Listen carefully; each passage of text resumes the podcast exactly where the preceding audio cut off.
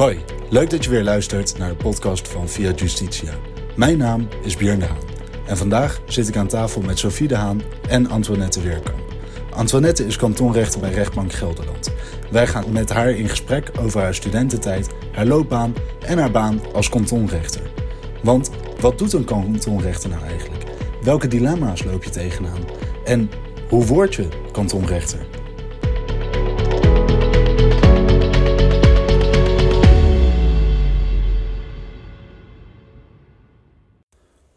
Antoinette, leuk dat je er bent. Zou je jezelf even willen voorstellen? Uh, ja, jullie vragen wat ik. Uh, om iets over mezelf te vertellen. Ik ben Antoinette Weerkamp. Ik ben kantonrechter. Dat mag je eigenlijk niet meer zeggen. Rechter in Arnhem. In de rechtbank. In de afdeling handel en kanton. En dan meer bepaald kanton. Uh, ik ben 63 jaar. Ik ben gehuwd met een raadsheer in het hoofd Arnhem. Dus het blijft allemaal heel gezellig dichtbij. Ehm, ik heb vier kinderen die allemaal uh, afgestudeerd zijn. Uh, geen in Rotterdam, moet ik er eerlijkheidshalve bij zeggen. Leiden en uh, Utrecht zijn de steden in dit gezin. Um, en die zijn allemaal aan het werk, min of meer aan het pogen werk te hebben nu in deze coronatijd. Sommigen krijgen dat niet en anderen wel. En um, ja, wat kan ik er verder over vertellen? mijn werk is mijn hobby, dat moet ik wel zeggen. Althans, heb gelukkig nog een paar hobby's, maar mijn werk is wel heel erg leuk. Ik vind het echt het mooiste werk wat er is. Dus dat wil ik toch even zeggen. Hoe was uw studententijd? Ja, nou hoop ik dat jullie, uh, dat jullie verwachten dat daar heel veel spectaculairs uitkomt. Want hij was met name gezellig, met ik weet niet hoeveel hoofdletters. Uh, in de tijd dat er nog geen BSA was, althans het was toen een motorfiets geloof ik, maar verder had je geen BSA. En uh, kon je dus heel erg lang over studie doen. En dat heb ik dus ook gedaan. Ik heb er erg van geprofiteerd. Ik heb wel in een paar besturen gezeten, dat soort dingen, maar niet. Ik kan niet zeggen dat ik een heel studieus type was. Dus ik heb er alles bij elkaar negen jaar over gedaan, geloof ik, als ik me goed herinner. En uh, vermoedde dus ook dat ik geen enkele kans ergens meer op maakte op de arbeidsmarkt. Maar dat bleek gelukkig mee te vallen. En waarom heeft u gekozen om rechten te gaan studeren? Ja, kijk, dat is ook alweer zo weinig uh, imponerend. De, mijn vader zei, ga maar rechten doen, dat hebben je tantes ook gedaan. Ging maar goed, en zijn goede studie, kreeg je altijd een baan mee. En toen dacht ik, nou prima, doe ik dat. Was heel gehoorzaam. En waren er nog meer mensen in de familie die dus ook rechten studeerden verder ja. dan? Ja, we hadden een, uh, een familie waar uh, men of arts of jurist werd. En ik vond bloed heel eng, dus voor mij was jurist. Dat was eigenlijk, de, dat waren de smaken min of meer. Dus heel Makkelijke keuze. Ja. ja, en je had ook niet allemaal van die studies met van die namen waarvan je denkt, waar gaat dit over? Het was gewoon duidelijk wat je ging doen. Je ging over rechten of medicijnen of uh, uh, theologie, weet ik veel. Dat soort studies doen, of taal of geschiedenis. Maar niet van die hele, ja, dat bij het begin van de studie eigenlijk al vast ligt hoe je later terecht gaat komen. Dit is gewoon heel brede studies waren het allemaal. Nou, precies. En u gaf aan dat er ook een aantal studentenverenigingen bij zaten waar u bestuur in heeft gedaan. Ja. Welke ja, verenigingen waren dat? Moet ik eerlijk zeggen. Dus ik was een Utrechter. En ik heb ook nog een paar jaar in Amsterdam gestudeerd. Dat durf ik natuurlijk eigenlijk niet. Ik zal 020 zeggen voor jullie. Uh, daar heb ik ook nog gestudeerd. En uh, in die tijden was ik lid van eerst de UVSV in, Amst in Utrecht en later de AVSV, die toen ook al ASC-AVSV heette, in, uh, in Amsterdam. En daar zat ik in disputen en uh, nou ja, daar deed ik commissies. En, uh, en ja, daar, dat is eigenlijk zeer leerzaam geweest, moet ik zeggen. Dat is denk ik ook waarom ik überhaupt ooit toegelaten ben tot die, uh, tot die radio. Want met negen jaar studie en geen bal te beleven, ben je natuurlijk niet echt een daverend succes. Wat, wat, wat heeft u eruit gehaald? Uit, wat, wat voor een levensles? Nou, weet je, je nou, Ja, levensles is dat je probeert je best te doen en dat je het toch niet voor iedereen goed kan doen. Dat is, dat denk ik een hele belangrijke. Als je in een bestuur zit, denk je, nou we hebben een topplan, dan gaan we het zo en zo doen. En dan leg je dat voor aan de vergadering en dan komen er meteen drie of vier die zeggen, wat een waardeloos plan is dit. Hoe komen jullie erop? En dan moet je dat gaan verdedigen en dan vinden ze nog steeds een waardeloos plan of niet, dat weet ik niet. Maar dat zijn wel hele leerzame dingen, dat je dus niet van jezelf uit moet gaan, maar van het nut van het algemeen. Dat is denk ik wel iets dat je het nooit voor iedereen goed kan doen. Maar je leert ook een vergadering leiden, uh, mensen proberen bij elkaar te krijgen. Uh, ja, ik denk dat het voor, voor je vorming, als je later een beetje een beroep, en dat willen jullie als rechtenstudenten neem ik aan, waar je wat in te zeggen hebt, waar je wat in te brengen hebt, dan is het denk ik heel belangrijk dat je zoiets een keer gedaan hebt. Nou ja, zoals wat jullie nu doen. Of, ja, dus, het, dus het advies is wel echt, maak gebruik van die verenigingen die er zijn. En ja, of het nou een sportvereniging is, of een studievereniging, of een studentenvereniging, dat maakt niet uit. Maar het gaat gewoon om de, de ervaring opdoen van met mensen omgaan en uh, mensen bij elkaar brengen, denk ik. Ja, en ik hoorde, ik hoorde ook nog iets over een bierestafette van Sophie. Wat had, je, had ik je nou gezegd? ja, op een gegeven moment waren we dus lid in Amsterdam. En daar had je jongensdisputen en meisjesdisputen. En die jongensdisputen wonnen altijd de bierestafette. Uh, ik weet niet of dat fenomeen nog steeds bestaat. Uh, je, je gaat dus met vijf jongens en aan de overkant vijf meisjes tegenover elkaar zitten. En je hebt allemaal volle bierglazen tegenover je. Uh, die worden voortdurend bijgevuld en je moet er dus flats naar achter knallen en dan leeg op je hoofd zetten. Althans, zo leeg mogelijk natuurlijk. Je mag het niet zomaar meteen op je hoofd zetten. Dat is natuurlijk... Nou ja, en dat gaat dus zo. Als ik het leeg heb, moet degene naast mij en dan, nou, zo, hè, zoals een estafette werkt. Nou ja, en dan zo lang mogelijk doortetteren. En uh, dat wonnen altijd de jongens natuurlijk. Maar wij hadden ons heel goed voorbereid. We hadden echt keihard boerenkool gegeten van tevoren. En yoghurt als toe. Want dan leg je namelijk een soort vetlaag in je maag. Dus dan heb je helemaal niet in de gaten wat je allemaal naar binnen Dus dat ging als gek. Uh, en wij wonnen. En we stonden nog recht overeind. En dat was zo ontzettend leuk. Want de jongens hadden echt uitgezopen. En dat, waarom dat nou belangrijk is, weet ik niet. Maar dat vind je toch leuk als meisjes. Okay. Nou, dat is in ieder geval een eeuwige roem die niemand meer af zal pakken. Precies. Nou, het is niet belangrijk, maar het is wel grappig. Ja. Precies. Dat is ongeveer het niveau van het studentenleven aan. Ik denk dat dat in een notendop het wel is. Nou, dan, dan uh, studeert u af. Dat was uh, in uw geval dus na negen jaar. Ja. Ja, dan, dan ben je een leven gewend met lid zijn en bierestafettes. Ja. En dan komt in één keer het serieuze leven. Hoe beviel dat? Nou, het is in mijn geval. Um, ik had bedacht aan het eind van mijn studie dat ik graag rechter wilde worden. Uh, om een heel idiote reden, maar goed, dat doet er even niet toe. Ik had bedacht dat ik rechter wilde worden. En uh, toen, toen, kon je dat nog meteen na de, middelbare, uh, na de universiteit kon je dat nog doen. En dan gaf je op bij de RAIO-commissie, de selectiecommissie.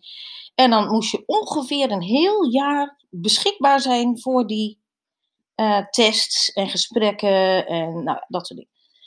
En uh, je kreeg dan bijvoorbeeld, ik noem maar wat, in september kreeg je een test, een intelligentietest. Nou, als je daardoor was, dan kreeg je in december de psychologische test. En dan kreeg je in maart uh, gesprekken met een commissie. En dat duurde dus al met al een heel jaar. En in dat jaar ben ik naar Engeland gegaan. En uh, daar heb ik ehm, eerst mijn Engels gepoogd te perfectioneren. Met een Oxford, nee sorry, Cambridge Proficiency in English op een Engelse school. En daar heb ik ook een half jaar aan de rechtenfaculteit meegelopen.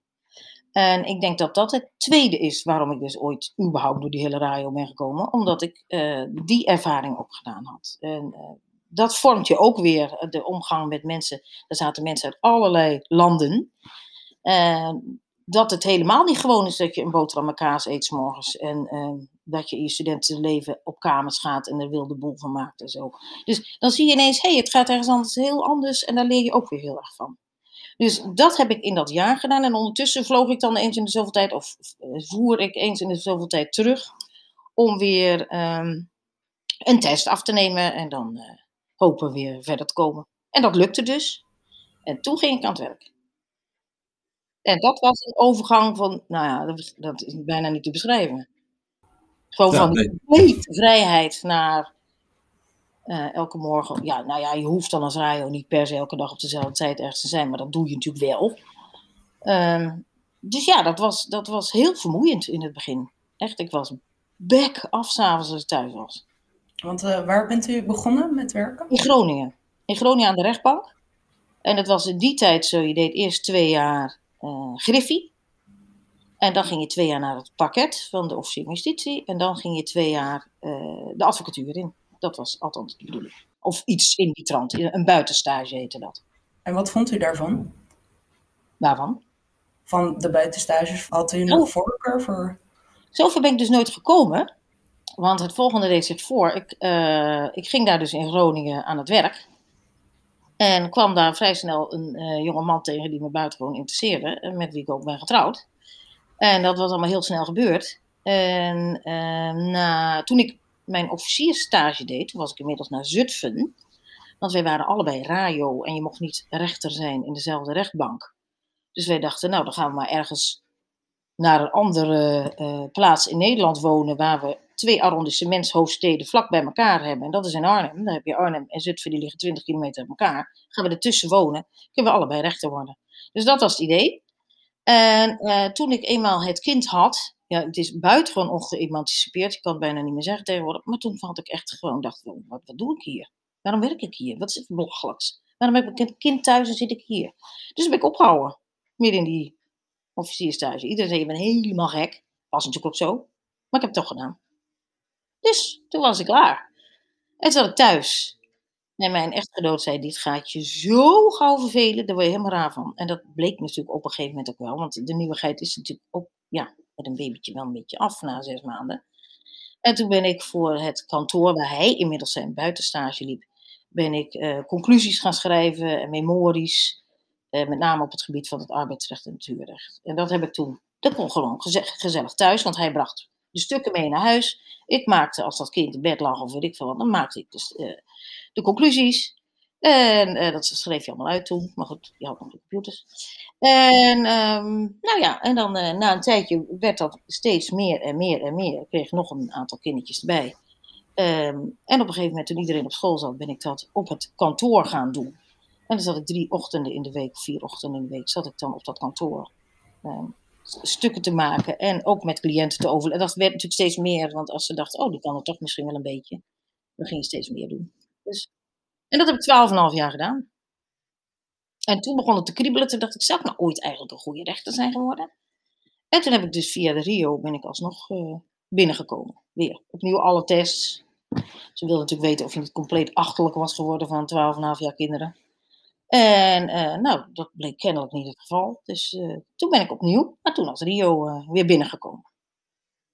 Het begon alles van vooraf aan, moest je weer beoordeeld worden. Ja, was ik 40 of weet ik hoe oud ik was. En had ik zo'n opleider die dan zei van ja, eigenlijk snap je geen bal van bestuursrecht. Oh ja, maar ik moest bestuursrecht doen. En dat is niet, eerlijk gezegd, mijn favoriete tak van sport. Dus zei, eigenlijk snap je geen bal van bestuursrecht, maar je bent wel een rechter. Dus toen dacht ik, check. Dus toen mocht ik toch blijven. En toen uh, gekozen voor sector kanton? Ja, nou daar werd ik eigenlijk voor gekozen, want ik had er eigenlijk nooit over nagedacht, over het hele kanton. Uh, ik wilde gewoon altijd liever civilist worden of uh, strafrechter. En toen was er iemand die zei, nou jij bent nou echt een kantonrechter, ga jij maar eens een paar rolzittingen doen. Nou, dat heb ik gedaan en dat vond ik meteen, ik dacht, dit is het dus waarom je rechter wordt. Gewoon contact, direct contact met justitiabelen, om het zo maar te zeggen uh, gewone mensen taal praten, gezellig met ze omgaan. Ze laten merken waarom ze ongelijk hebben, het uitleggen, als ze dat hebben tenminste natuurlijk. Uh, of als ze gelijk hebben, ze instrumenten in handen geven, want die hebben ze zelf niet, hoe ze dit kunnen aanpakken. En dat vond ik echt geweldig. Dus toen was ik helemaal thuis. Dus echt de voeten in de modder mentaliteit onder de rechtbank. Ja, ja, dat is het wel, ja, denk ik. En het is ook, het is ook, het is ook grappig. Ik weet niet of jullie het fenomeen rolzitting kennen. Dat, eh, dat is natuurlijk iets. Uh, dan heb je de hele zaal vol mensen zitten. En één voor één roep je ze naar voren. En dan mogen ze een verhaal komen doen. Ja, dan maak je zulke. En het zijn allemaal kleine ontmoetingjes. Je wordt steeds even uh, deel van iemands leven. Dat is heel grappig. Ze kunnen je soms in vijf minuten zoveel vertellen. Waardoor je ofwel heel ontroerd bent. Of dat de hele zaal plat ligt. En dan, dan kan je gewoon leuk op elkaar reageren. Of ja, dat zijn echt kleine ontmoetingjes die, het, uh, die voor de mensen dan denk ik bepalen hoe hun beeld over de rechtbank is. Hè, denk ik, of de rechtspraak misschien. En zijn er ook van dat soort kleine ontmoetingjes u bijgebleven? Oh, zoveel, ja. Er zijn er heel veel. Dat, dat, uh, in de vorige crisis, zeg maar 2008, dat er dan ja, mensen schaamden zich. Dat waren hele gewone mensen die ineens hun werk kwijtraakten. En dan stonden ze ineens voor de rechter omdat ze hun huur niet betaald hadden of dat soort dingen. En ja, dan, dan stond daar iemand zo beschaamd en dan, dan, dan, dan raakte je dat zo erg. En dan zei ze, ja, ik, ik kan niet betalen. En mijn man ook niet, want we zijn op dezelfde dag bij dezelfde baas ontslagen. En we hebben gewoon nog steeds geen WW en dat is al zes maanden later. Nou, dan, sprongen we bijna de tranen. Nog steeds als ik eraan denk, denk ik, oh wat erg, zal je toch overkomen. En als je dat uitstraalt, dan denken de mensen, oh, daar zitten ook mensen. Dat is, die, die snappen ook wat ik voel. Ja, ik kan natuurlijk niet helemaal navoelen hoe ze het, maar je kunt je er wel iets bij voorstellen. Hoe het is als je allebei op dezelfde dag je baan kwijtraakt. En dat soort dingen. En ook lachen met mensen. En, en iemand naar voren roepen en zeggen van... Oh, ik zie nog maar één naam en dat is uh, meneer die en die. Oh nee, mevrouw die. Dat is mevrouw Bianca Huppeleke. En uh, ja, dat ben ik ook, zegt ze dan. En dan blijkt dat dus een, een transgender te zijn. En dan krijg ik een, een, verhaal van een uur over een operatie en over de weet ik veel wat allemaal. En dat ze eigenlijk niet bij mensen durft te zijn. Omdat ze altijd in elkaar geslagen wordt door andere mannen. En, nou, dat zijn dan dingen die raken je nogal. Terwijl het alleen maar gaat over, weet ik veel, dat ze de verzekeringspremie niet betaald heeft. Uh, ja, dan dwaal je wat af, zeg maar. Maar dan kom je wel bij iets wat voor haar heel belangrijk is. En dat ze voor het eerst vandaag weer in een zaal was geweest met allemaal mannen. Ja, want er zaten natuurlijk allemaal andere gedaagden ook in de zaal. Toen zei ik, nou, dan mag ik u toch wel feliciteren. Ik zeg, maar een taartje gaan eten in de stad. En als je dat soort dingen dan zegt, dan denk ik, check. Het is niet zo erg om naar de rechtbank te gaan. Het is natuurlijk in de sector kanton natuurlijk zo dat het, dat het echt de mensen zijn die dan daar procederen. Het uh, gebeurt ja, namelijk niet, niet, heel vaak dat daar, dat daar een advocaat bij is. Jawel hoor, want uh, we, hebben, um, we hebben natuurlijk zeg maar de wat lager uh, betaalde zaken, zal ik maar zeggen. Dus de, de zaken tot, wat is het, 5000? Oh, 25, nou, ik weet niet, 25.000. Maar we hebben ook huur en arbeid. En daar heb je vaak aan beide zijden advocaat. Niet dat dat altijd een verbetering is, maar theoretisch gezien is dat wel prettig. En waar ik eigenlijk naartoe wilde was, hoe zorgt u ervoor als het dan een normaal persoon is die de zaak voert voor zichzelf? Mhm. Die komt natuurlijk, zo, zoals u net zei, met een enorm verhaal aanzetten, waar mhm. eigenlijk totaal geen rode draad in zit. Nee. Hoe zorgt u er dan van, uh, voor dat u kaf van koren scheidt? Uh, over het algemeen, als iemand zo'n oeverloos verhaal begint, uh, dan laat ik hem even gaan, want hij moet het kennelijk kwijt, denk ik dan. En als je dan gaat ingrijpen, dan denk je: hallo, ik kwam hier om een verhaal te vertellen. Dus ik laat het gaan, totdat natuurlijk de derde keer hetzelfde langskomt. Dan zeg ik: uh, ja, dat had ik al begrepen. Maar ik wou nog even terug naar wat u net zei over. En nou, dan, dan ben je weer bij het onderwerp. En dan hoop je ze op die manier. Maar als je gaat onderbreken, ben je langer kwijt, meestal. Dan als je ze even de gang laat gaan. Want ja, je hebt voor een zitting zeg maar wat een uur hè, in een, uh, en in een arbeidszaak zelfs anderhalf uur geloof ik. Daar kan je best een hele hoop geleuter aanhoren. En wat die advocaten brengen is vaak zeven keer hetzelfde, maar ook niet per se leuk. Dus uh, daar moet je ook nog wel eens een keer zeggen. Ja, ik meen dat ik dat al een paar keer eerder heb langsgekomen, hoorde komen. Of is dat niet zo? Ja, ja, ja. ja. Dan hoeft het niet meer, want ik had het al begrepen. Dus ik moet dat bij advocaten ook wel eens doen. Um, en dan denk ik, die mensen die, die snappen niet wat voor mij belangrijk is. Ze weten wel wat voor zichzelf belangrijk is. Nou, laat ze maar vertellen. En soms hoor je dan nog leuke dingen ook hoor. Dan zeggen ze ineens iets um, ja, wat, wat een heel ander licht op de zaak werpt. En dan je denkt, oh, daarom is dit voor jou belangrijk. En dan uh, ga je naar de andere kant en dan zeg je, had u eigenlijk begrepen dat dit voor meneer het springende punt was? En dan soms kom je er gewoon uit, uit zo'n zaak. Omdat die persoon nu even heeft gezegd, hierom ben ik dus kwaad en daarom heb ik dus niet betaald. Of whatever. En dan wil dat dus heel vaak ertoe leiden dat je dan zo'n zaak oplost zonder vonnis. Dat zien we tegenwoordig natuurlijk in, in uh, Kanton was dat al heel lang gebruikelijk om echt te sturen op die, die schikkingen. Of in ieder geval te kijken of het mogelijk is om een schikking te uh, treffen. Ik merk zelf dat nu met de nieuwe manier van procederen in de afgelopen jaren dat bij de civiele rechtbanken ook steeds meer daarheen gestuurd wordt met de, met de mondelinge behandelingen. Wat vindt u van die, die ontwikkeling binnen de rechtspraak? Ja, dat is moeilijk te zeggen. Kijk, als, als je. Uh, ik vind dat in principe elke zaak mondeling behandeld zou moeten worden. Omdat je daar vaak, dus net wat ik zeg, ineens hoort van: oh, maar dit is het springende punt. Uh, het is vaak zo dat er van tevoren ergens iets fout is gegaan in de communicatie. Communicatiestoornissen zijn, denk ik, ongeveer mijn brood, zal ik maar zeggen. Um, en als je dan op een zitting bent, dan krijg je vaak boven tafel wat er mis is. En dan kan je proberen om het alsnog te sturen. En te zeggen, oké, daar is het fout gelopen, toen is er iets misgegaan. Uh, u bent er nog steeds boos over, dat hoor ik wel. Uh, maar zullen we nou eens kijken of we, nu we dit weten, of we er dan uit kunnen komen. En ik denk dat dat een hele belangrijke uh, positieve rol is. Um, nog niet altijd wil dan iedereen natuurlijk met je meegaan. Nog niet iedereen zegt, dan van oké, nee, dan gaan we eens even lekker schikken. Dat hoeft helemaal niet. Maar ik vind het in ieder geval wel altijd de moeite waard om het te proberen, omdat je de illusie hebt dat ze er dan zelf uitgekomen zijn. En dat ze mij niet nodig hebben. Dat er een van de twee helemaal ontevreden is, dat ze allebei een beetje tevreden en een beetje ontevreden zijn. Of misschien zelfs allebei tevreden. En is dat vaak het geval dat het lukt om te schikken? Uh, ja, eigenlijk wel. Ja, eerlijk gezegd. Ja, niet in van die domme zaakjes, zeg maar. Maar, maar gewoon in, in arbeids- en uh, als er niet één uh, werknemer ziek is, tenminste, want dan kan hij niet schikken. Maar als een, ja, in een normale huurzaken met name schik je heel veel. Ja. ja, behalve natuurlijk bij overlast, maar dat ga ik niet eens proberen. Als iemand, weet ik veel, wat we nu meemaken, er wonen zoveel mensen die eigenlijk ergens heel veilig opgeborgen zouden moeten worden. Gewoon in sociale huurwoningen. En die terroriseren dan de buurt, of die steken de boel in de fik, of die smeren poep op de ramen, of gooien fietsen van het balkon, of noem het maar. Ja, daar ga ik natuurlijk niet proberen te schelen. Althans, dan probeer ik het nog eerst van, als we nou zo'n gedragsaanwijzing zouden geven, dat u zich de komende zes maanden gedijst houdt. Dan is iedereen blij, hoeft u niet op straat en zijn de buren van de gezanik af. Nou, als ze daar aan mee willen werken, beide partijen, dan vind ik dat ook weer een mooie oplossing. Maar als het, ja, als het niet lukt om te schikken, dan gaat zo iemand er natuurlijk uit moet je de buurt van zo verlossen. Dus ja, ik denk dat ik het een positieve ontwikkeling vind dat er gepoogd wordt te schikken. En u benoemde net de, de belangen bij een mondelinge behandeling. Ja. Uh, we zitten nu natuurlijk in een pandemie. En het is niet mogelijk om op de rechtbank een, een, een zitting in te plannen. Wij doen alles nog hoor. Ook fysiek? Ja. Oké. Ja, ik, Daar ik is merk... er helemaal voor aangepast. Er staan overal schermen tussen mij en de griffier. Dus je kan niet meer lollige opmerkingen doorschuiven of zo, want dat, dat is helemaal onmogelijk. Want je kan niet door de plexiglas. De advocaat en de cliënt zitten gescheiden door plexiglas. En uh, iedereen moet in de rechtbank mondkapjes op uh, totdat ze gaan zitten. Uh, want dan, kunnen ze niemand, dan zit er niemand meer binnen anderhalve meter.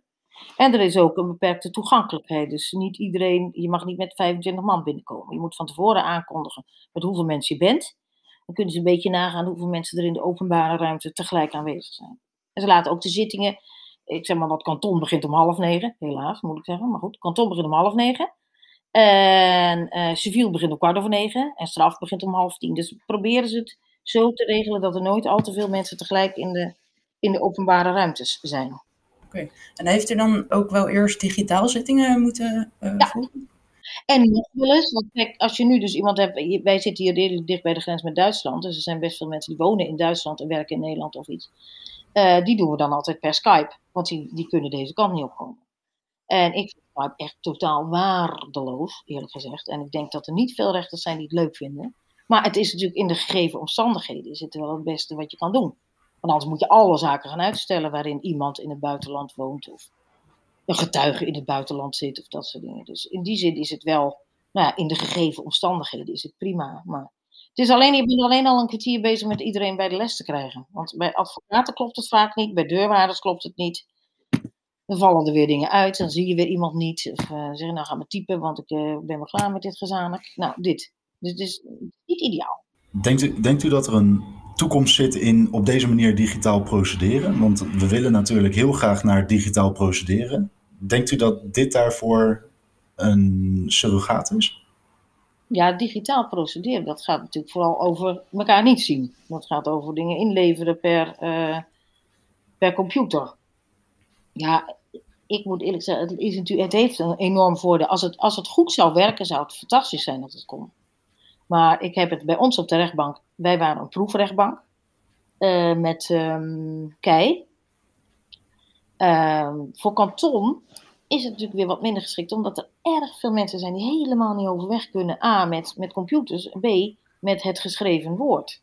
Die kunnen niet hun gedachten op. Daarvoor zijn die rolzittingen ook uh, in persoon. Uh, ze kunnen hun gedachten niet onder woord brengen. Woordelijk al niet, maar dan kan je er nog wat uit halen.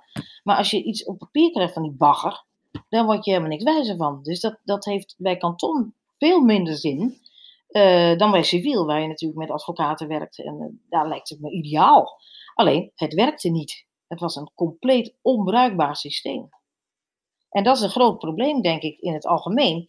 Want je hebt juristen en je hebt mensen die wat van ICT snappen. Maar dat zijn bijna altijd andere mensen, zou ik maar zeggen.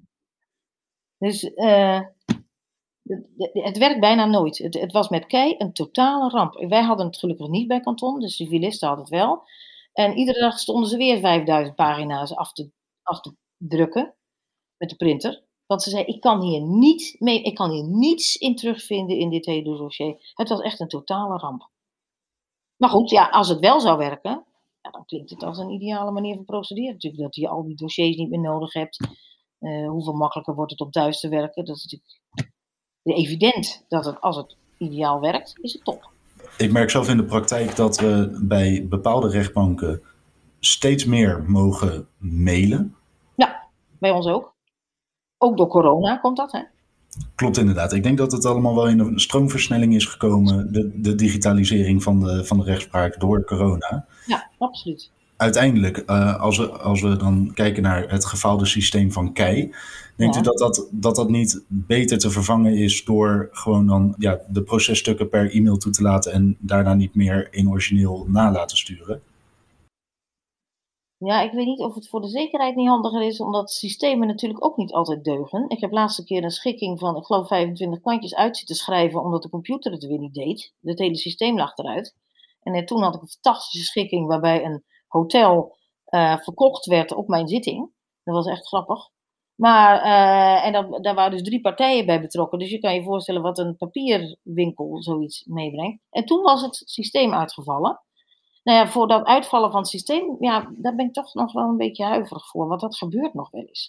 En dan zegt iemand, ik heb het toen en toen ingeleverd en dan heeft ons systeem het niet gedaan. En dat vind ik altijd eng. Dus ja, ik, ik, ik denk dat je toch misschien wel voor de zekerheid het achter de hand moet houden. Totdat alles ideaal is. Maar ja, ik weet niet of dat ooit wordt met, met de um, digitalisering. En dan even terug naar, naar de, de pandemie. Uh, merkt u dat u anders bent gaan werken door corona? Nou, ik eerlijk gezegd niet. Want ik ga gewoon naar de rechtbank toe drie dagen. Ik werk drie dagen. Ik ga drie dagen in de week naar de rechtbank. En, uh, maar dan merk je wel dat er natuurlijk veel minder mensen zijn. Er is denk ik een. Ja, alleen de rechters die zitting hebben zijn er over het algemeen. En de secretarissen die met hen zitting hebben. Dus er is een kwart van wat er normaal op de gang rondloopt. En dan denk ik, nou, dan kan ik er ook nog wel veilig bij. Uh, want ik ben niet zo'n thuiswerker, moet ik eerlijk zeggen. Ik heb gewoon mensen om me heen nodig. Dus, en, en de Griffie vindt het heel fijn, want er is altijd één kantonrechter die ze kunnen vragen: uh, wat moeten we met dit geval of wat, wat moeten we hiermee? Dus dat in, in die zin werkt het heel goed voor beide partijen, denk ik. Maar eigenlijk mag het dus niet. Eigenlijk zou ik dus meer thuis moeten werken. De meeste rechters werkt mijn echtgenoot, die dus bij het Hof uh, is in de strafsector. Die, um, die werkt denk ik vier dagen in de week thuis. Ligt alleen voor zittingen nog. En merkt u ook door door de coronacrisis dat er nu een hogere druk ligt op de rechtspraak? Nou, een hogere druk. Het is meer dat er iedere keer gebeurt er iets waardoor het weer anders loopt dan je net had gedacht. Dat is het meer. Het, is, het, vergt, het heel veel schakelen. En dat vind ik dus heel leuk. Maar ik merk ook dat er mensen zijn die daar moeite mee hebben. Want die hebben liever van, eh, ik dacht dat het zo zou lopen, dan moet het ook zo lopen. Er zijn natuurlijk mensen die dat prettig vinden. Terwijl ik het wel leuk vind dat ik morgens denk dat het A gaat en dan ineens tien over negen gaat het B. Dat vind ik dus grappig. Maar er zijn een heleboel mensen die daar wel last van hebben. En dat snap ik ook wel. Want je hebt je voorbereid, zeg maar wat, op een zitting. En dan belt er iemand, ja, ik zit in quarantaine. Nou, huppakee, dan moeten we dus nu over op Skype. We moeten uh, de, de, ICT gaan regelen, we moeten een kamer regelen, we moeten, nou, noem het. Alle partijen moeten gebeld worden. Dan gaat er van alles in werking. En dat heb je heel sterk met die corona dat je alsmaar dingen anders moet doen dan je van was. Maar ja, ik vind dat dus niet zo erg. Maar echt druk. Ja, je, krijgt weer nieuwe vraagstukken erbij. Hè? Van uh, een kroegbaas die al uh, zo lang geen uh, inkomsten meer heeft, mag, moet hij zijn hele huur betalen. Of kan een werkgever tegen een werknemer zeggen: Je komt maar naar de fabriek, want ik heb je hier nodig. Ik heb er niks aan als je thuis zit. En dat soort dingen. Dat zijn weer nieuwe vraagstukken die opgeworpen worden. Maar ook dat vind ik, ja, de tijd gaat door. Dus dat vind ik wel, wel leuk. En ten aanzien van de, van de werkdruk, merkt u dan ook verschil? Nou, dat was wel een tijd zo, maar dat appt inmiddels weg. Maar dat komt dus ook omdat wij weer gewoon zittingen houden. Dus uh, bij ons is het eigenlijk niet zo heel veel verschil uh, nu, op dit moment, met vorig jaar februari. De inhaalslag heeft u al gemaakt dan weer? Die is bij, bij kanton in Arnhem in ieder geval, daar kan ik natuurlijk alleen maar voor praten, is die wel redelijk gemaakt. Ja, we hebben op een gegeven moment in november, als ik het goed zeg, hebben twee weken helemaal geen zittingen gedaan, behalve vier piketrechters. En de rest is allemaal achterstanden gaan wegwerken. Die hebben alleen maar thuis gezeten met dossiers. Dus je mag drie keer raden wie die vooraan in de rij stond toen ze vroegen wie de piketrechter wilde zijn. Dus ik heb gewoon lekker kort gedingen zitten doen. En helemaal prima. En de rest zat allemaal gewoon als een gek zijn achterstanden weg te werken. En dat heeft heel goed gewerkt.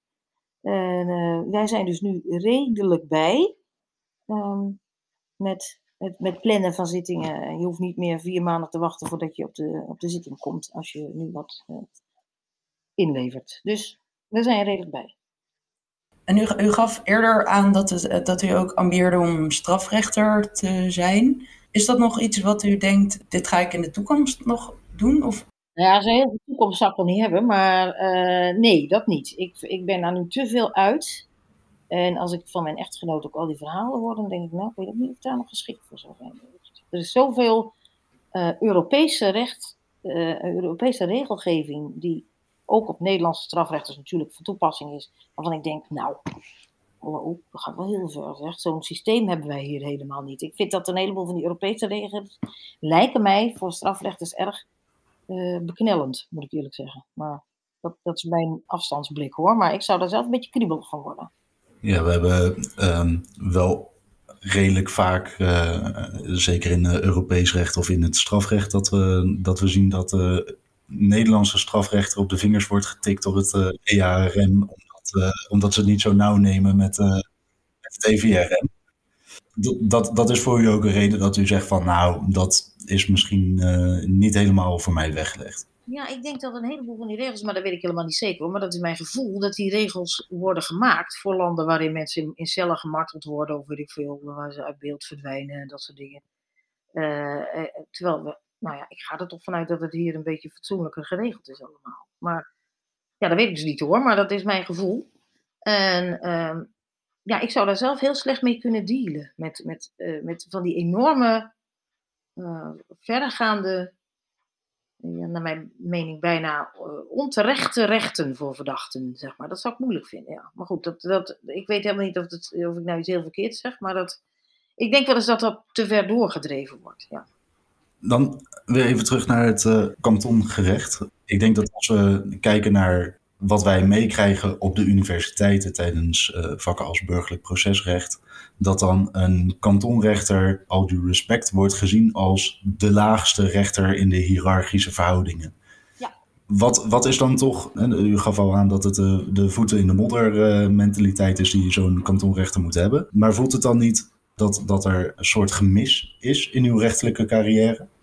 Nee, want uh, uh, het was van oudsher zo. Uh, een, kanton, kantonrechter verdient ook meer dan een gewone rechter, zal ik maar even zeggen. Ja, nu niet meer, maar dat was zo. want een kantonrechter was de kroon op je carrière. Um, dus je had alles al gezien.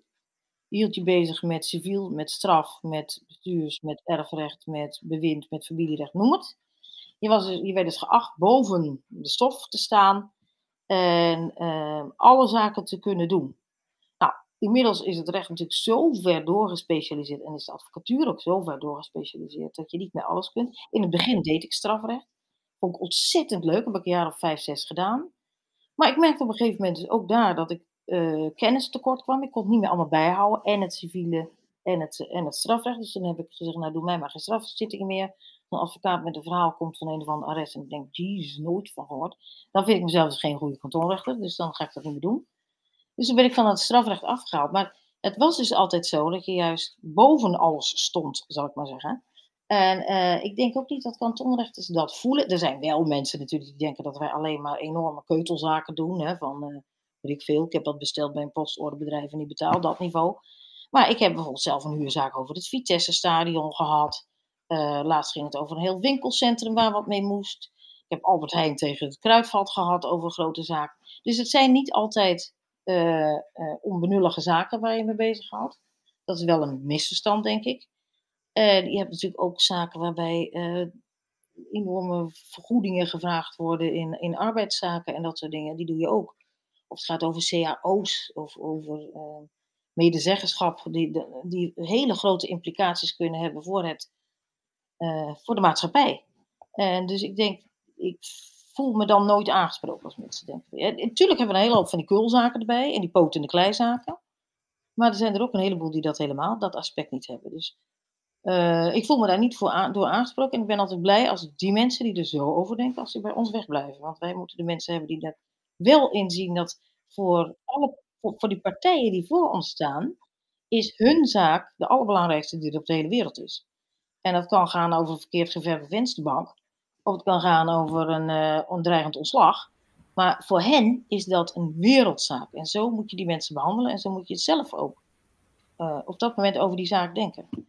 En als je dat niet op kan brengen, dan kan je beter een kantonrechter worden, denk ik. Want dan doe je het tekort. Eigenlijk zou het een beetje vergelijkbaar moeten zijn met de politierechter. Die doet inderdaad de lagere zaken, maar dat doet hij omdat hij eigenlijk de meest ervaren rechter is. Ja, hij doet dus eentje. Hè? Ja, je doet altijd in je eentje. Je, doet nooit, je mag niet eens als kantonrechter met z'n drieën zitten. Uh, dus ja, dan word je wel geacht om er wat van te snappen, denk ik. En ook om overwicht te hebben over die partij. Dus ik vind het zelf ik weet niet of ik dit mag zeggen, maar ik vind het zelf dus raar dat onze sector tegenwoordig ook als opleidingssector wordt gebruikt. Want ik denk, dit moet dus eigenlijk zijn wat je doet als je alles hebt gezien. Dus ja, maar goed, dat doen ze wel hoor. Want ze willen dat iedereen alles moet kunnen. En zijn er ook aspecten die u minder leuk vindt aan het werk? Nou ja, wel bepaalde soort zaken. Ik loop niet echt warm voor een verkeerd geverfde vensterbank, inderdaad. Dan word ik niet heel warm van. Dan denk je, jongens, doe even van normaal zet je zonder bril, weet ik veel, doe iets anders. Maar dit, dit vind ik dus niet interessant. Maar ja, voor die mensen dus nogmaals is het wel belangrijk. Dus ja, het komt zelden voor dat ik tegen iemand zeg, nou, uh, hier gaat u toch de rechter niet mee lastigvallen. Gebeurt wel eens, als het echt enorm gezeur is. Kunt u daar een voorbeeld van geven? Of? Nou ja, ik heb dus echt serieus gehad dat iemand uh, een aannemer aan het werk had gehad. En dat hij dan op een gegeven moment dus een zaak begint omdat die vent de dakkapel, op de zolder dus, uh, in RAL 9010 in plaats van RAL 9001 of zoiets heeft geverfd. En dan denk je, ja, hou even op. Dan denk ik, dakkapel, hè? Ik is niet, uh, niet in je zitkamer waar je de hele dag tegenaan kijkt. Nou, dat zijn dus dingen, dan, dan vind ik, dan moet ik me erg oppeppen om me daar uh, te bedenken dat dit ook een uh, interessante zaak is. Ja. En daar heb ik ook wel iets pietje laten doorschemeren, moet ik eerlijk zeggen hoor. Van, uh, nou ja, we hebben vandaag ook nog wel andere zaken, zeg maar. Ja, is niet aardig, maar ik denk, ja, lazer is op. Een, een, een rechter blijft in ieder geval aan tot, tot, tot zijn zeventigste. Ja, dat is langer hè, dankzij corona. Oh, is het nog langer? Ja, je mag tot je 73ste. Oh, nou, kijk eens aan. Nou, dat was niet van plan hoor. Maar het is wel, het is wel uh, bovendien hoop ik dat dat uh, tegen die tijd over tien jaar corona gewoon weer klaar is. Maar uh, ze hebben dus, omdat er, omdat we die achterstanden hadden, hebben ze die oude rechters, die, die nog niet langer dan geloof een half jaar met pensioen waren, hebben ze weer teruggevraagd. Van jongens, wil je alsjeblieft, alsjeblieft, alsjeblieft nog even wat zaken doen. En dat is, dat is op vrij grote schaal gehoor aangegeven. Dus die hebben ook weer zittingen zitten doen. Dat gewoon thuis op de lekkere stoel met, uh, met Skype. En die hebben enorm veel weggeknald. Want die, die schikken ook veel, want het zijn ervaren mannen en vrouwen. Dus die, die knallen achter elkaar die zaken weg. Dus dat helpt ook. Dus, maar dat was je vraag. nee, eh, waar ik naartoe wilde eh, was, ambieert u op dit moment nog iets? Hmm. Nou ja, ik zou het heel, heel erg leuk vinden om mensen op te leiden. Dat deed ik vroeger. Uh, en ze hebben nu bedacht dat ik um, kantonrechters mag, die al kantonrechters zijn, uh, mag opleiden om uh, wat skills voor zittingen en schikken en dat soort dingen aan de hand te doen. En dat vind ik wel heel leuk, want je hebt natuurlijk toch, doordat je het langer doet, heb je wat. Kijk, als ik zo'n verzoekschrift binnen zie komen, bijvoorbeeld in een arbeidszaak, en er komt zo'n verweerschrift, denk ik, weet je wat ik doe? Ik ga beginnen met verweerschrift te lezen. Want dan weet ik tenminste waar het over gaat. Want de verzoekschrift staat waarschijnlijk veel te veel in, wat ik ook helemaal niet nodig heb. En uh, de geschiedenis van Adam en Eva af, of ze hebben gewoon niet genoeg te vertellen, want anders heb je niet zoveel tekst nodig. Als je gewoon een goede zaak hebt, heb je maar zo'n stukje nodig. Dus dan begin ik gewoon met het verwissen. Nou, dat soort tips, dat, uh, dat willen ze dan dat ik aan uh, mensen geef die dus, we hebben dus nu jonge kantonrechters een hele hoop. En dan willen ze dat ik die gaan. En dat vind ik dus heel erg leuk, zo'n opleiding.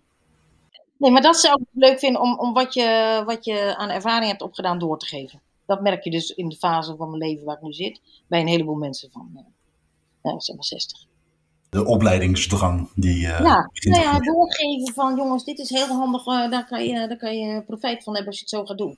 En om een beetje in die trant te blijven, wat zou uw advies zijn aan studenten? die nu bezig zijn met hun studie en denken, nou, rechter, kantonrechter, dat lijkt me op zich nog wel wat. Hoe kunnen zij dat aanvliegen? Ja, het is dus niet meer zo dat je gewoon, net zoals ik dus ooit begonnen ben, meteen na de studie uh, radio kunt worden. Je moet tegenwoordig, dat is gewoon een bezuinigingsoperatie hoor, dat, uh, maar goed, dat kleden ze dan helemaal in. Uh, maar dat is het. je moet dus nu eerst ehm, andere skills op gaan doen, zal ik maar zeggen. Dus ik zou dan zelf zeggen, ga naar de advocatuur. Dan heb je die kant van de, dan, dan snap je ook als rechter beter waarom advocaten met een enorme wetsverhalen aankomen, omdat hun cliënt dat namelijk belangrijk vindt. En als je uh, dat nooit meegemaakt hebt, dan snap je dat misschien niet. Dus ik zou zeggen, begin in die advocatuur. Doe dat een aantal jaren en, uh, meld je aan. En zorg dat je ook uh, maatschappelijk ergens bij betrokken bent. Iets, iets maatschappelijk relevants doet. Op een heel ander vlak misschien, weet ik veel. Al, is het maar overblijfmoeder bij wijze van spreken. Of uh, dat je bij de voedselbank iets gaat doen. Of, ik noem maar wat, maar dat je, dat je de, de maatschappij ook echt leert kennen uh, van binnenuit. Ik denk dat dat heel belangrijk is. Dus ja, probeer jezelf te ontwikkelen en je hoeft niet per se hele hoge cijfers. Dan, was ik dan zat ik hier nu dus niet voor dit interview. Dus uh, je hoeft niet hoge cijfers te halen, je hoeft niet de beste van de klas te zijn. Liever niet misschien zelfs. Weet je, moet snappen dat een ander veilbaar is en dat je zelf ook veilbaar bent. En als je dat een beetje in beeld houdt en jezelf breed ontwikkelt, ik denk dat dat het belangrijkste is. Brede ontwikkeling. Dat klinkt als een heel goede tip. ik hoop dat je er wat aan hebt, eh, als je het zou willen. Ja, maar het is, het is een prachtig vak. Want je bent heel erg met het recht bezig, maar dan met de toegepaste variatie uh, ja, uh, in direct contact met de mensen voor wie het, voor wie het gemaakt wordt. Het recht. Want je maakt natuurlijk ook wel recht. Ja. U had het net over de onfeilbaarheid van de rechter zelf. Ja, is die niet? Nee, maar dat, u voelt de vraag denk ik al aankomen. Ik word af en toe vernietigd door de moeder van Sofie, hè? even om maar wat te zeggen. Ja. Wat is in, in uw uh, rechterlijke carrière de, ja, de grootste blooper geweest eigenlijk? Waarvan u denkt van, nou daar kan ik mezelf nog steeds voor op mijn voorhoofd slaan. Nou, dat lijkt net. Ik vind mezelf helemaal niet fantastisch. Maar echt, dat ik echt iets verschrikkelijk fout gedaan heb, dat kan ik me niet herinneren. Ja, je hebt wel eens dat je, dat je iets zegt en dat een advocaat dan uh, uit zijn slof schiet omdat hij denkt dat je er iets mee bedoelt wat je dan mee bedoelt. Maar ik kan me niet eh, iets voorstellen dat ik echt iets. Uh, echt vreselijk drama. Ja, ik vind het natuurlijk niet leuk als je, als je vernietigd wordt. Dat is dus echt wel iets. Dat je vernietigd wordt omdat je even een artikel over het hoofd had gezien. Dat, dat baal ik van. Want is dat, is dat vaak? Nee, dat is één keer gebeurd. En daar baal je zo verschrikkelijk van. Dat overkomt je ook niet nog een keer natuurlijk. Maar uh, dat zijn wel dingen die vind je heel vervelend. Want dan denk je, nou dus die mensen onrecht aangedaan. Hè? Dat kan me niet zoveel, ja, dat, dat ik fout, iedereen maakt wel een fout. Daar kan ik niet zo wakker van liggen. Maar het heeft dus effect gehad. En die persoon is in hoger beroep gemoeten hiervoor. Bakken geld. Eindeloos. Want ja, sorry Sophie, maar die dingen bij het Hof duurden belachelijk lang. Die, die maken, geloof per man 30 arresten per jaar. Dus kan je nagaan hoe lang dat allemaal gaat duren. Uh, dat, dat heb ik veroorzaakt doordat ik even dat ene artikel over het hoofd had gezien. En uh, dat vind ik dus, dat is denk ik wat ik het vervelendste vond eraan. Maar voor de rest, ja, iedereen maakt wel eens een fout. En, uh, eerlijk gezegd wordt bij mij in de rechtszaal een hoop gelachen. En kan iedereen ook gewoon zeggen waar hij zin in heeft. En dat helpt denk ik wel. Dat, dat maakt dat iedereen zich vrij voelt. En ik dus ook. Dus als ik even wat zeg wat eventjes wat minder politiek correct is, zeg maar, dan moet iedereen daar ook wel weer om lachen. Zo. Denkt u ook dat uw houding als rechter heel veel impact heeft op de manier waarop een vonnis wordt geaccepteerd of niet wordt geaccepteerd? Absoluut. Van elke rechter, ja. ja. Je moet het uitleggen. Je moet uitleggen waarom een van die twee uh, ongelijk gaat krijgen. Ja. Dat is heel belangrijk. En dat is, dat, waar je dat heel vaak ziet, is bijvoorbeeld in uh, arbeidszaken. Want iedereen doet altijd net of werknemers hele grote jongens zijn. Werkgevers, sorry. Maar die, die, die werkgevers zijn soms eigenlijk in intelligentieniveau en weet ik wat allemaal niet heel veel beter dan de mannen die ze te werk stellen. En, uh, en die doen dus van alle dingen. En zo had ik laatst bijvoorbeeld een werkgever die had bedacht dat hij niet vond dat zijn werknemer had mogen voetballen omdat hij een uh, zere vinger had. Uh, en toen had hij het loon maar stopgezet. Dus die vent die belt dus op naar zijn werkgever. Die zegt, hallo, ik heb een loon gehad. Nee, als jij gaat voetballen, dan krijg je een loon. Dag. En uh, nou ja, dat, ergens kon ik het me voorstellen. Want die vent had al dus een blessure. En die gaat dan toch voetballen. Maar ja, dat staat niet in de wet dat je iemand kunt verbieden om in zijn vrije tijd bepaalde dingen te doen. Er zat er ook niks over afgesproken. Dus het kon niet. Maar dan kun je zo'n werkgever kun je verrekt goed begrijpen. Ik denk, ja hallo, die vindt hij zit een half jaar in de ziektewet. Ik betaal mijn scheel voor die kerel. Want ik kan dit niet, ik kan dat niet, ik kan zus niet. Ik kan, en bij verhuisbedrijf ook nog. Ehm, ja, dat, dat zo'n werkgever dan verschrikkelijk kwaad wordt. Dat snap ik wel. Maar ja, wat hij deed, mocht niet. Nou, als je dat dan op zijn zitting aan zijn man eventjes stap voor stap uitlegt, dan zegt hij aan het eind, ja nee, ik snap ook wel dat ik moet betalen. Ja. Dat, dus ik denk dat dat heel erg belangrijk is. Zeker omdat je dus altijd met, of niet altijd, maar heel veel uh, met, met mensen in persoon uh, bezig bent. Juist dan moet je het heel goed uitleggen. En dan schrijf je je vonnis zelf voor, voor degene die verliest. Die moet snappen, die, die gelijk. Die denkt, kijk meteen naar de laatste bladzijde en denkt, yes! En die, uh, die belt zijn deurwaarder op. We gaan hem incasseren, die handel. Maar degene die verliest, die wil misschien, denken wij, wel weten waarom die verloren heeft. Dus dat moet je goed uitleggen. Nou, Antoinette, bedankt voor je komst. Ja, dankjewel. Hartstikke fijn uh, dat u de tijd heeft genomen om uh, bij ons dit uh, allemaal toe te lichten en iets meer licht te werpen op de manier hoe een kantonrechter werkt. Bedankt dat je hebt geluisterd naar een nieuwe podcast van Fiat Justitia. Wil je meer podcasts beluisteren of ben je benieuwd naar andere vormen van content van Fiat Justitia? Kijk dan op onze Instagram, onze Facebook en onze website.